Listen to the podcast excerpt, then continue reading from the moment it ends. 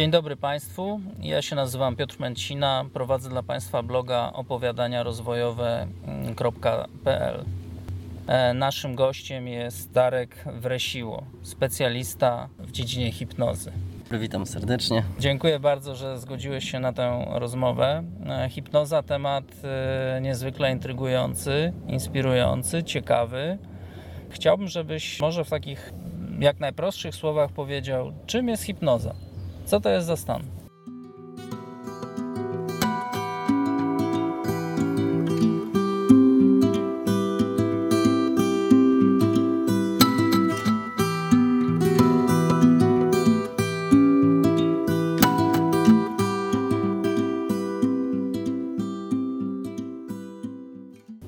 Właśnie, przede wszystkim hipnoza jest naturalny stan człowieka, który jest związany z podwyższoną sugestywnością.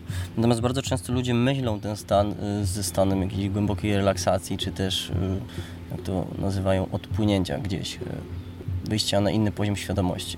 Hipnoza polega na podwyższonej sugestywności, a to, że towarzyszy temu często stan relaksu, to jest po prostu taki pozytywny skutek uboczny. A jak rozumiesz tą podwyższoną sugestywność? Tak, może jakiś przykład praktyczny z Twojego doświadczenia, z Twojej praktyki. Jak to się przejawia, że ktoś ma podwyższoną sugestywność? W ogóle sam termin faktycznie hipnozy dosyć, dosyć trudny do wytłumaczenia, ponieważ jest to stan. E, Ciężko jest to objąć jakimiś konkretnymi ramami, bo pytanie o ile podwyższony. Hipnoza nie jest stanem, w którym osoba, która jest hipnotyzowana, zrobi wszystko, co hipnotyzer jej powie. Tak? To nie jest coś takiego, że e, osoba straci świadomość i będzie na usługach e, osoby, która ją prowadzi, hipnotyzera. E, Cały czas poziom świadomości istnieje, natomiast tak na przykład w, mamy do czynienia z placebo, gdzie świadomie podajemy sugestie osobie i jej organizm reaguje zgodnie z sugestią, a nie zgodnie z tym, co, mm, co dana substancja, na przykład w przypadku choćby nawet znieczuleń, środków przeciwbólowych e, stosowanych podczas, podczas placebo. Czyli organizm reaguje tak, jak sugestia wskazała. Mm, Więc ta podniesiona sugestywność jest po prostu większa. Na ile? No trudno to tak naprawdę opisać. Mhm. Przepraszam na moment, tutaj wtrącę, że siedzimy na brzegu Zalewu Zegrzyńskiego w pięknym ośrodku Green Park w Serocku. Dlatego też w trakcie naszej rozmowy możecie słyszeć różne niekiedy intrygujące, niekiedy przeszkadzające dźwięki. Właśnie przed chwilą przepłynęła łódź motorowa.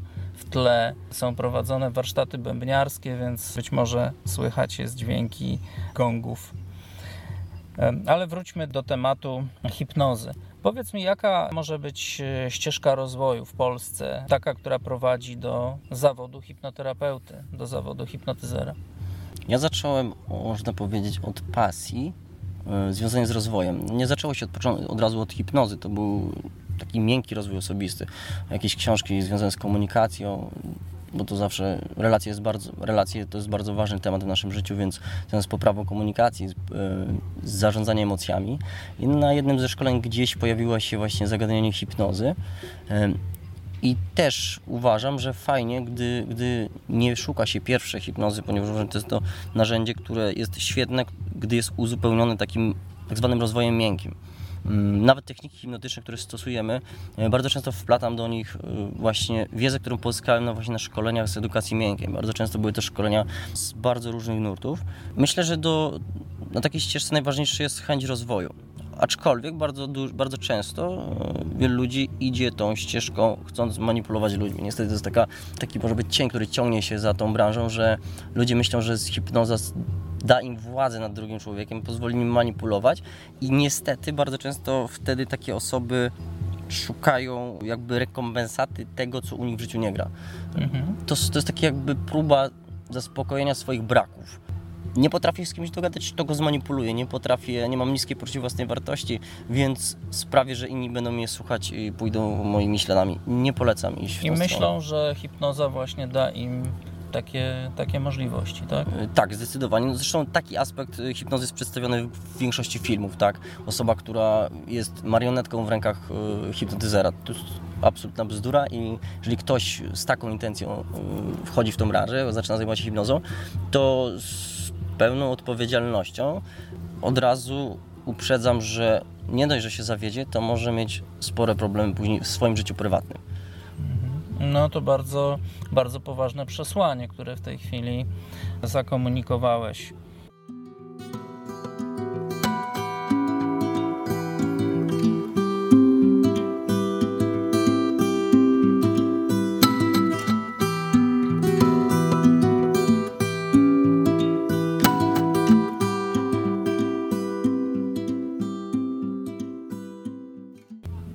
Zakończyć ten wątek, chciałem jeszcze na chwilę nawiązać do szkody, jaką robi, e, robi hipnozie, właśnie przedstawianie jej e, w mediach, czy w formie programów telewizyjnych e, rozrywkowych a jest to w sumie bardzo poważna technika, poważna metoda, która jest kojarzona przez to jako rozrywka, a nie narzędzie, które może pomagać, prawda? I teraz chciałbym Cię zapytać, w jakich sytuacjach e, hipnoza jest szczególnie pomocna? E, kiedy wykorzystujesz hipnozę e, i jakie efekty terapeutyczne czy wspierające drugiego człowieka możesz dzięki swojej wiedzy osiągnąć? Ja osobiście wykorzystuję hipnozę głównie w celach terapeutycznych. Początkowo ujęła mnie, pociągnęła ta hipnoza sceniczna, hipnoza rozrywkowa, bo ona faktycznie robi wrażenie. To jest takie, takie dobre narzędzie do zrobienia show, aczkolwiek w życiu no, nie, jest, nie jest do niczego, można powiedzieć, przydatna. E, po prostu do, daje nam możliwość dobrej zabawy, ale potem poszedł za tym aspekt terapeutyczny, a do tego jest to już potężne narzędzie. E, z doświadczenia mogę powiedzieć, że z uzależnieniami pracuje się przez 2-3 spotkania E, może nie każdy i to co powiem nie działa na każdego w 100% dokładnie tak jak mówię. U jednego to jest kwestia trzech spotkań, innego pięć. Jeszcze inny nie będzie chciał tak naprawdę współpracować do końca, mimo tego, że powie, że przyszedł po pomoc. Natomiast taka jest, e, takie są realia. To jest w przypadku uzależnień, jakichś stanów e, depresyjnych, nerwicowych. Ale przepraszam, mhm. uzależnienia, alkoholizm, nikotyna, narkotyki też? Jak najbardziej. I nie widzę jakiegoś, jakiejś wielkiej różnicy między pracą z alkoholikiem, a osobą uzależnioną od narkotyków. Przy czym od razu uprzedzam, że nie mówię tutaj, nie pracowałem nigdy z ludźmi uzależnionymi od heroiny, bo ona uzależnia ciało. Tam może być naprawdę, nie chcę tutaj znowu sugerować, ale może być większy problem. Natomiast jeżeli mówimy o tych tak zwanych narkotykach miękkich, to jak najbardziej y, naprawdę to jest kwestia kilku sesji i problem jest, jest rozwiązany. Przy czym jeszcze uważam tutaj, chociaż jest to dosyć, y, dosyć y, takie, może być kontrowersyjne, bo, bo wiele osób uważa, że tutaj mogę, mogę wprowadzić jakiś błąd, że po sesji hipnoterapeutycznej osoba nie jest biernym tak zwanym, choć powiedzmy alkoholikiem, osoba nie jest alkoholikiem w ogóle. Mhm. Bo nie, według mnie nie ma czegoś takiego jak bierny alkoholizm. Albo osoba jest, albo nie jest. Oczywiście może się powstrzymywać i swoją siłą woli jakby blokować korzystanie z danej substancji, e, natomiast mówienie komuś o tym, że jest bierny, dal, nadal zasiewa mu sugestię, że jest, a po wyzdrowieniu już według mnie taki koncept nie powinien mieć miejsca. Jeżeli coś ukradliśmy 20 lat temu, to czy nadal mamy nazywać siebie złodziejami, mimo tego, że powiedzmy szkoda w jakiś sposób została wyrównana, czy, mm, czy powiedzmy kiedyś pomyliliśmy się, powiedzieliśmy głupoty, czy nadal jesteśmy głupcami? No nie zgodzę się z tym. Uważam, że tożsamość, która jest przyklejona bardzo często dla ludzi z mhm. problemami, sama wyprowadza więcej szkody, choćby nawet przez tą sugestię, która działa. Tak czy siak działa. Więc ludzie, którzy uważają, że są biernie e, uzależnieni, będą faktycznie zgodnie z tą sugestią tacy do końca życia, ale nie muszą. Czyli tak naprawdę nie jest to stuprocentowo problem naszego organizmu, tylko bardziej problem naszych przekonań na własny temat, tak? Mm. Przekonań, które w jakiś sposób wpływają na tożsamość. Mm, tak. to, kim się czujemy. Oczywiście nie można powiedzieć, że substancja nie ma znaczenia, jak najbardziej ma, natomiast substancja to jest jakiś procent, natomiast reszta to jest głowa. Jest mnóstwo, mnóstwo badań, które, badań, nawet sytuacji, gdzie, gdzie okazuje się, że jeżeli osoba uzależniona od danej substancji przeniosła się w inny rejon, jakby zmieniła środowisko, nagle nie potrzebując nawet specjalnej terapii, przestała korzystać z danych używek. E, I tutaj mówimy bardzo często o właśnie o narkotykach, e, więc y, nie zawsze trzeba mm, jakichś niesamowitych przełomów, terapii i tak dalej. Czasem wystarczy zmienić środowisko, bo stare środowisko sugerowało, jakby organizm przyzwyczaił się e, do korzystania z danej substancji, uzyskiwania stanów przez daną substancję. Wszystko moim zdaniem e, jest kwestią właśnie tego stanu, którego pożądamy, a nie substancji. Substancja daje nam możliwość, ale problem tkwi na tle emocjonalnym. Powiedz mi, czy są jakieś e, przeciwwskazania do zastosowania hipnozy? Na pewno e, choroby psychiczne będą takimi przeciwwskazaniami. To znaczy tutaj trzeba skonsultować się z ekspertem, ze specjalistą danej dziedziny, ponieważ gdy ktoś na przykład jest pod wpływem y, jakiejś, jakiejś terapii, to trzeba, powinien się dowiedzieć, czy, czy hipnoterapia w tym czasie e, nie będzie w żaden sposób zaburzać tamtej pracy. Uważam, że nie jest korzystne, kiedy działa nad jednym człowiekiem dwóch terapeutów, czy e, równolegle dwie metody, bo nigdy nie wiadomo, co w jaki sposób zadziała, więc tutaj trzeba ostrożnie z tym. No i oczywiście przeciwwskazaniem są środki psychoaktywne, ale to już jest chyba oczywiste, że, że pod wpływem Mhm. takich środków nie powinno się przeprowadzać żadnych, nie tylko hipnoz, ale żadnych metod pracy z podświadomością. Oczywiście wszystko własne ryzyko i, i to jest odpowiedzialność, prawda? Więc ja jestem przeciwnikiem mieszania takich, e, takich rzeczy.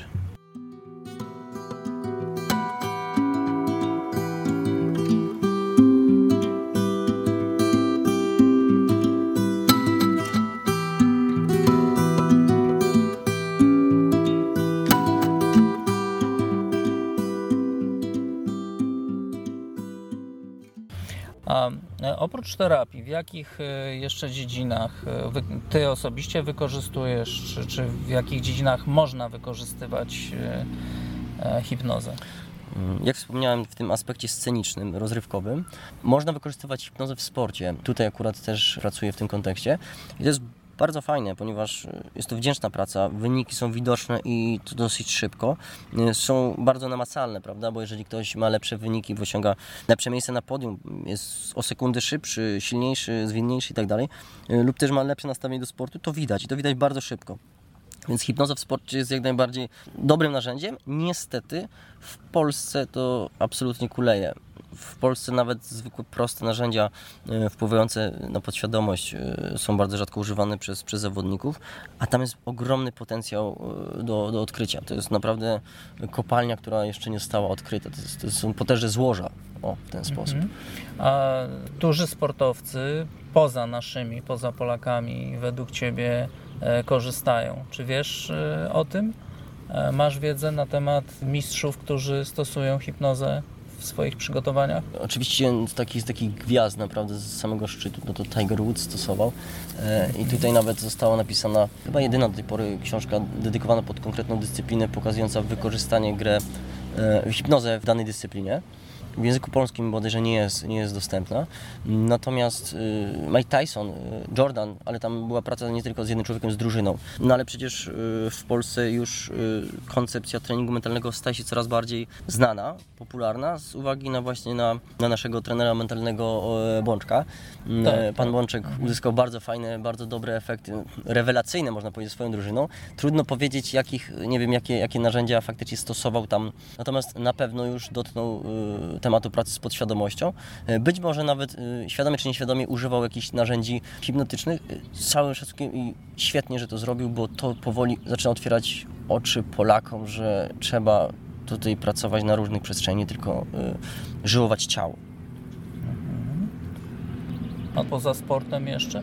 Na pewno wykorzystuje się hipnozę w aspekcie kryminalistycznym. Z tym akurat nie miałem osobiście do czynienia. Wykorzystuje się ją y, klinicznie. Osobiście znam jednego lekarza anestezjologa, y, który znieczula poprzez hipnozę. Bardzo fajna, bardzo fajna, ciepła osoba, która zdecydowanie nadaje się do tego, do tego zawodu. Są pewne zabiegi czy operacje, które trudno jest przeprowadzić których nie można znieczulić człowieka e, klasycznymi metodami z uwagi na jakieś uczulenia, czy, czy też fakt, że osoba musi być świadoma.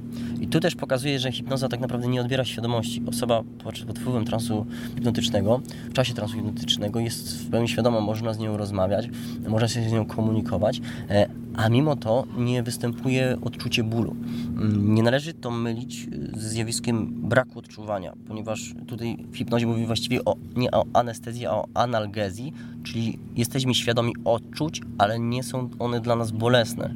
Można przeprowadzać operacje, mm, czujemy, powiedzmy, ktoś prowadzi, przeprowadza jakiś zabieg, y, zabieg na kolanie, my czujemy, że tam przy danym naszym kolanie ktoś majstruje, natomiast żadne poczynania lekarzy, chirurgów nie będą odczuwalne, nie będą sprawiać dyskomfortu. Będzie to na przykład jakieś mrowienie, y, dotyk będziemy czuć, natomiast wszystko będzie w pełni akceptowane przez nas i nie wywołuje mm, przy tym dodatkowego stresu, stanów lękowych i tak dalej. Mhm. No tutaj w tym obszarze, o którym powiedziałeś w tej chwili, to przed laty taką wybitną specjalistką to była profesor Maria Schulz, która asystowała właśnie jako zastępując anestezjologa przy wielu operacjach chirurgicznych. Wręcz miała takie osiągnięcia, że była w stanie niepełnosprawnego chłopca, który marzył o tym, żeby chociaż raz w życiu pobiegać, wprowadzić, była w stanie w taki stan, e, po którym on twierdził, że czuł się tak, jakby przebiegł maraton, więc to bardzo ciekawe.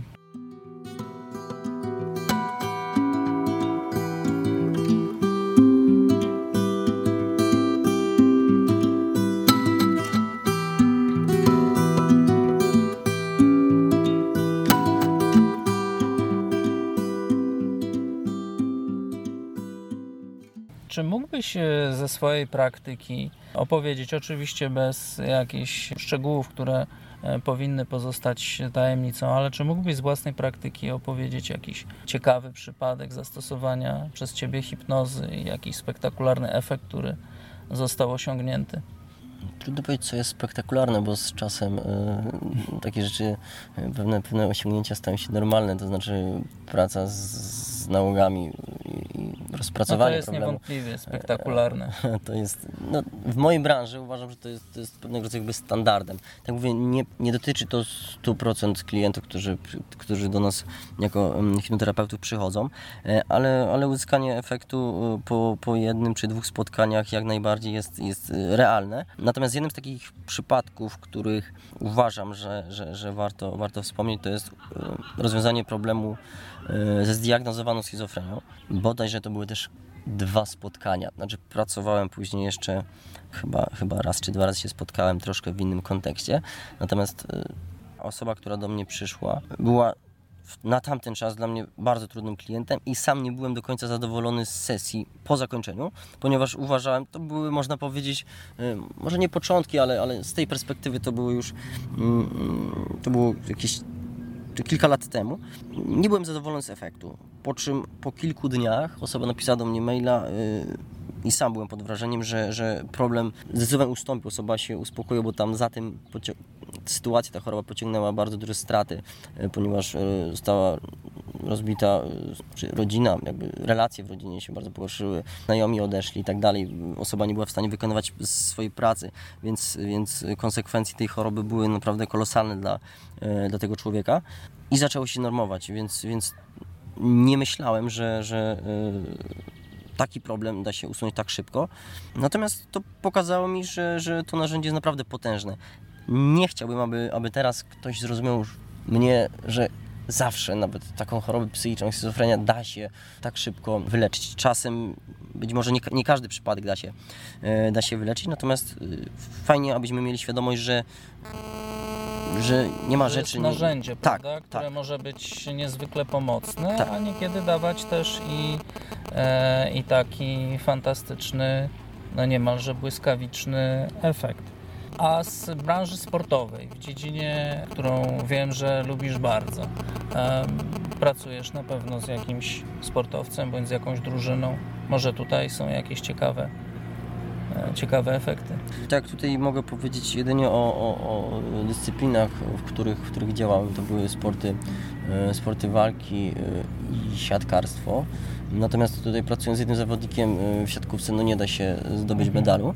To jest z reguły praca indywidualna, nigdy nie pracowałem z całymi drużynami, ale lepiej odnajduję się w takiej właśnie, mimo wszystko, pracy indywidualnej. Nie mogę tu powiedzieć, że, że, że moi klienci stali się mistrzami świata w tym momencie. To jest u sportowców zresztą ten proces jest, y, jest dłuższy. Natomiast efekty są naprawdę wyczuwalne praktycznie już od pierwszego spotkania. Z uwagi na to, że, że w Polsce ta psychologia sportowa jest na bardzo niskim poziomie, znaczy jest bardzo rzadko stosowana, zawodnicy nie mają do niej dostępu, e, to już drobne zmiany powodują, przekładają się na dosyć duży efekt, choćby nawet na tak zwiększenie poziomu motywacji, na nauczenie, nauczenie człowieka, e, sportowca, żeby efektywnie wypoczywał, już przekłada się na, na efekty w sporcie, więc uważam, że to jest tutaj ogromny potencjał. W przyszłości myślę, że będę mógł się, e, będziemy, bo ja plus zawodnik mogli pochwalić się jakimiś e, spektakularnymi efektami. Jestem o tym święcie przekonany. Reprezentujesz Polski Instytut Hipnozy.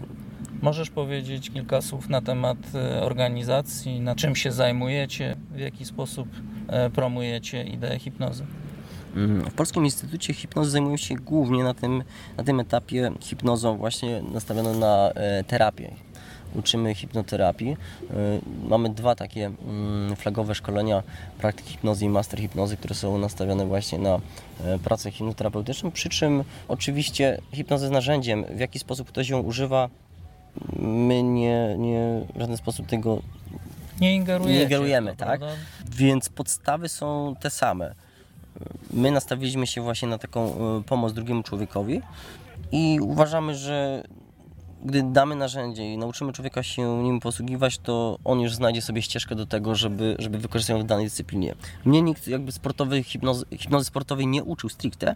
E, Tutaj tą wiedzę poszerzam już we własnym zakresie i z własnymi doświadczeniami. Sam kiedyś uprawiałem sport, więc wiem jakie to ma przełożenie. A Jaka to była dziedzina, E, jaka dyscyplina? Zdecydowanie nie widać po mnie, ale podnoszenie ciężarów. w bardzo niskich wagach, w tych najniższych, natomiast, natomiast miałem... Mogę potwierdzić, epizod. że Darek jest świetnie zbudowany, ale jest drobnej postury mężczyzną o doskonałej muskulaturze. Dziękuję serdecznie.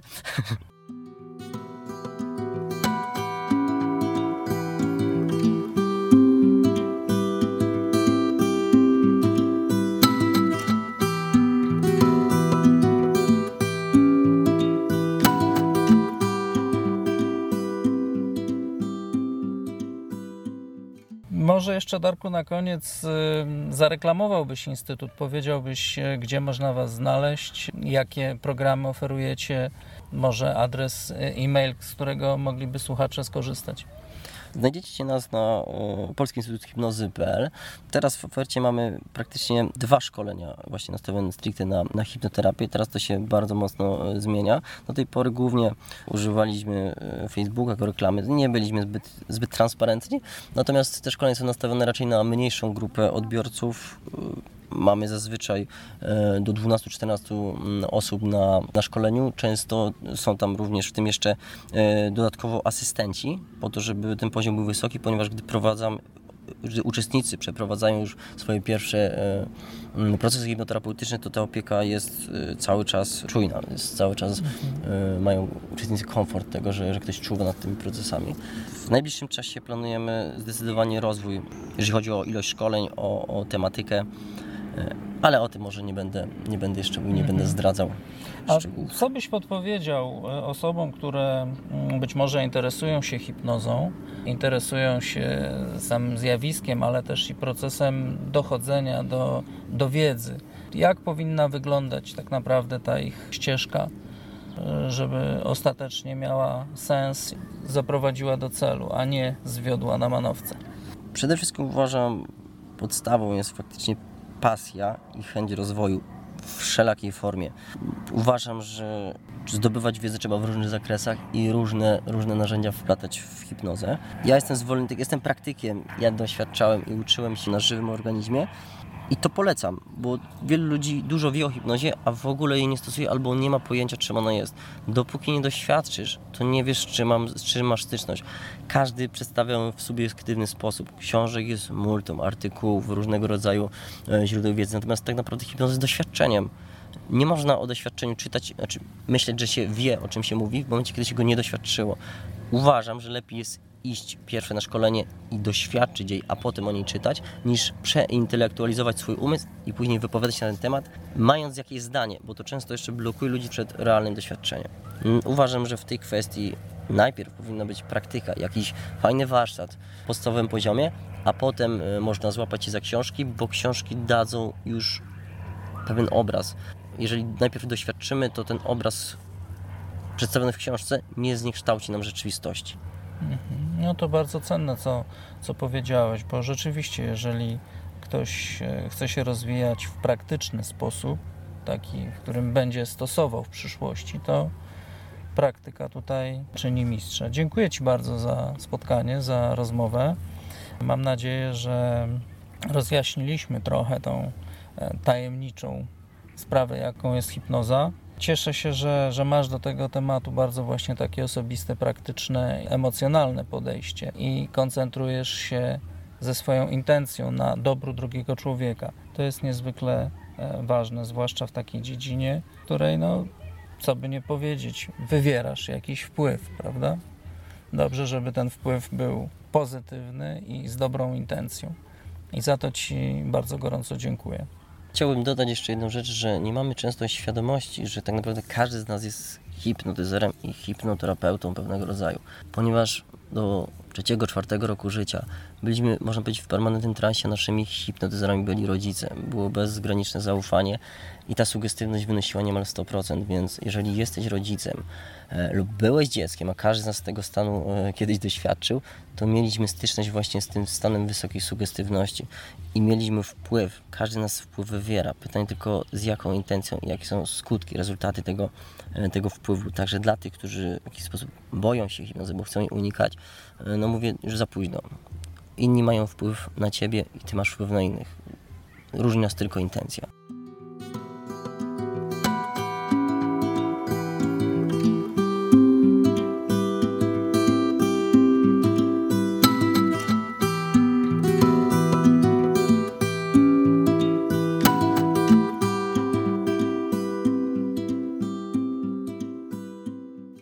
Czy jesteśmy w stanie, kontynuując ten wątek, który, który teraz e, poruszyłeś, czy jesteśmy w stanie zorientować się, że ktoś wywołuje na nas wpływ?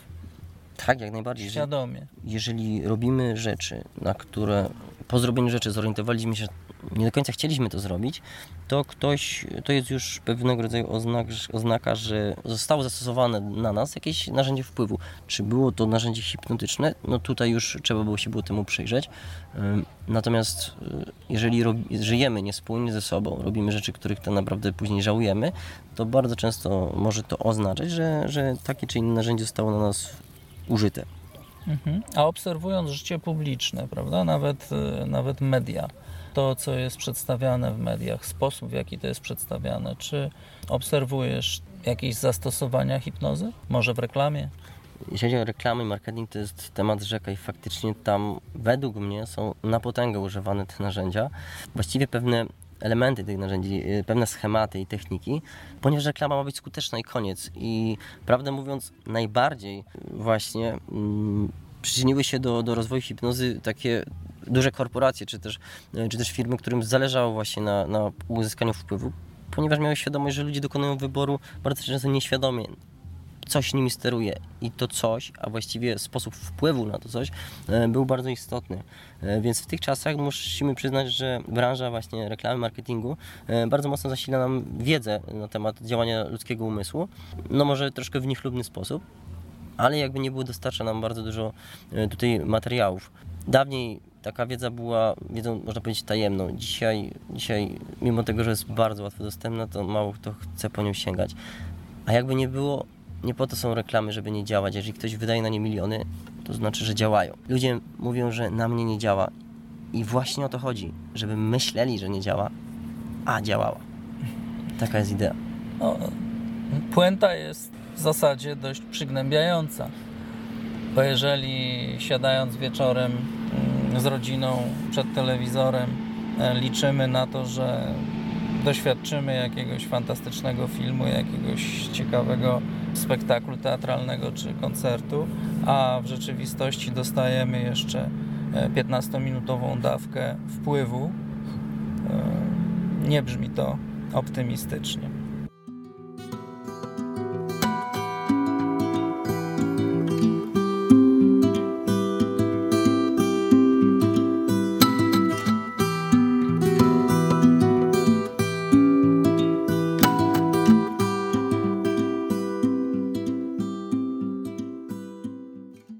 Czy są zatem jakieś metody przeciwdziałania temu? Czy jesteśmy bezbronni e, w takiej sytuacji, czy oprócz tego, że możemy po prostu wyłączyć e, źródło nadawania, czy możemy sobie jakoś e, próbować radzić? Wybór zawsze mamy. Faktycznie najlepiej jest po prostu wyłączyć. Jeżeli ignorujemy to, czyli uważamy, że jesteśmy silniejsi niż, niż te wpływy, to bardzo często jesteśmy ignorantami. Bo tak jak wspomniałem, nie po to firmy wydają grube miliony, żeby to nie działało i one wiedzą, że, że, że statystyka jednak jest. Działa i przynosi, przynosi określony efekt. Natomiast co mogę jeszcze powiedzieć, nie podchodźmy do tematu emocjonalnie. Emocje właśnie są takim kluczem do podświadomości. Im bardziej emocjonalnie podchodzimy, to tym łatwiej jest nam coś wrzucić, zasiać sugestię, coś mówić. E, Dlatego firmy są, dają nam emocje, potem jest reklama, która daje nam informacje. Dzisiaj reklamy są robione w bardzo sprytny sposób, jak i filmy. Filmy są odpowiednio stymulują też e, organizm do tego, żeby dawał nam adrenalinę, jakieś hormony, te, które, które chcemy, tak. Stymulował nas, w nas pewne sytuacje, które dano, dadzą nam e, określone emocje i to wszystko już wpływa na podświadomość. Więc tam, gdzie są emocje, tam jest taka furtka do podświadomości otwarta. Więc nawet gdy się kłócimy, to naprawdę jesteśmy w tym momencie bardziej sugestywni. Bardzo dużo osób ma problemy w życiu właśnie przez to, że kiedyś w dzieciństwie była jakaś kłótnia, były jakieś emocje i rodzic czy kolega, ktoś z rodziny krzyknął, powiedział, ty się do niczego nie nadajesz, czy coś negatywnego i to zostało już w pamięci, zostało jakby wpisane y, w struktury podświadomości. Była emocja, emocja tworzyła drzwi, a za nią poszła informacja. I tu taka prośba, gdy się kłócimy, nie mówmy do siebie źle. To znaczy, gdy już kłótnia się rozwinie, najlepiej jest naprawdę przerwać ją, wyjść na spacer i wrócić i porozmawiać. Kłótnia nigdy nie wyjdzie nikomu na dobre, bo sugestie będą negatywne. Mhm, To niezwykle e, ciekawe, co powiedziałeś, ponieważ panuje takie powszechne przekonanie, że kłótnia e, może oczyszczać. Tak. Że wyładowanie tych emocji oczyszcza i sytuację oczyszcza relacje. Tymczasem, jak rozumiem, odkłada w czasie, ponieważ słowa, które padły, te emocje, które otworzyły drzwi e, dla informacji, są odłożone w czasie. Tak, dokładnie tak. Tutaj rozwinę to, to nieco bardziej, właśnie podpinając pod to proces hipnoterapeutyczny. On bardzo często polega na uwolnieniu emocji. Przy czym chodzi o to, żeby druga osoba tych emocji nie zbierała. Jeżeli my wyrzucimy coś z siebie, coś, co jest negatywne, a ktoś przyjdzie i pozbiera to po nas, nam jest może lżej, ale co z drugą osobą?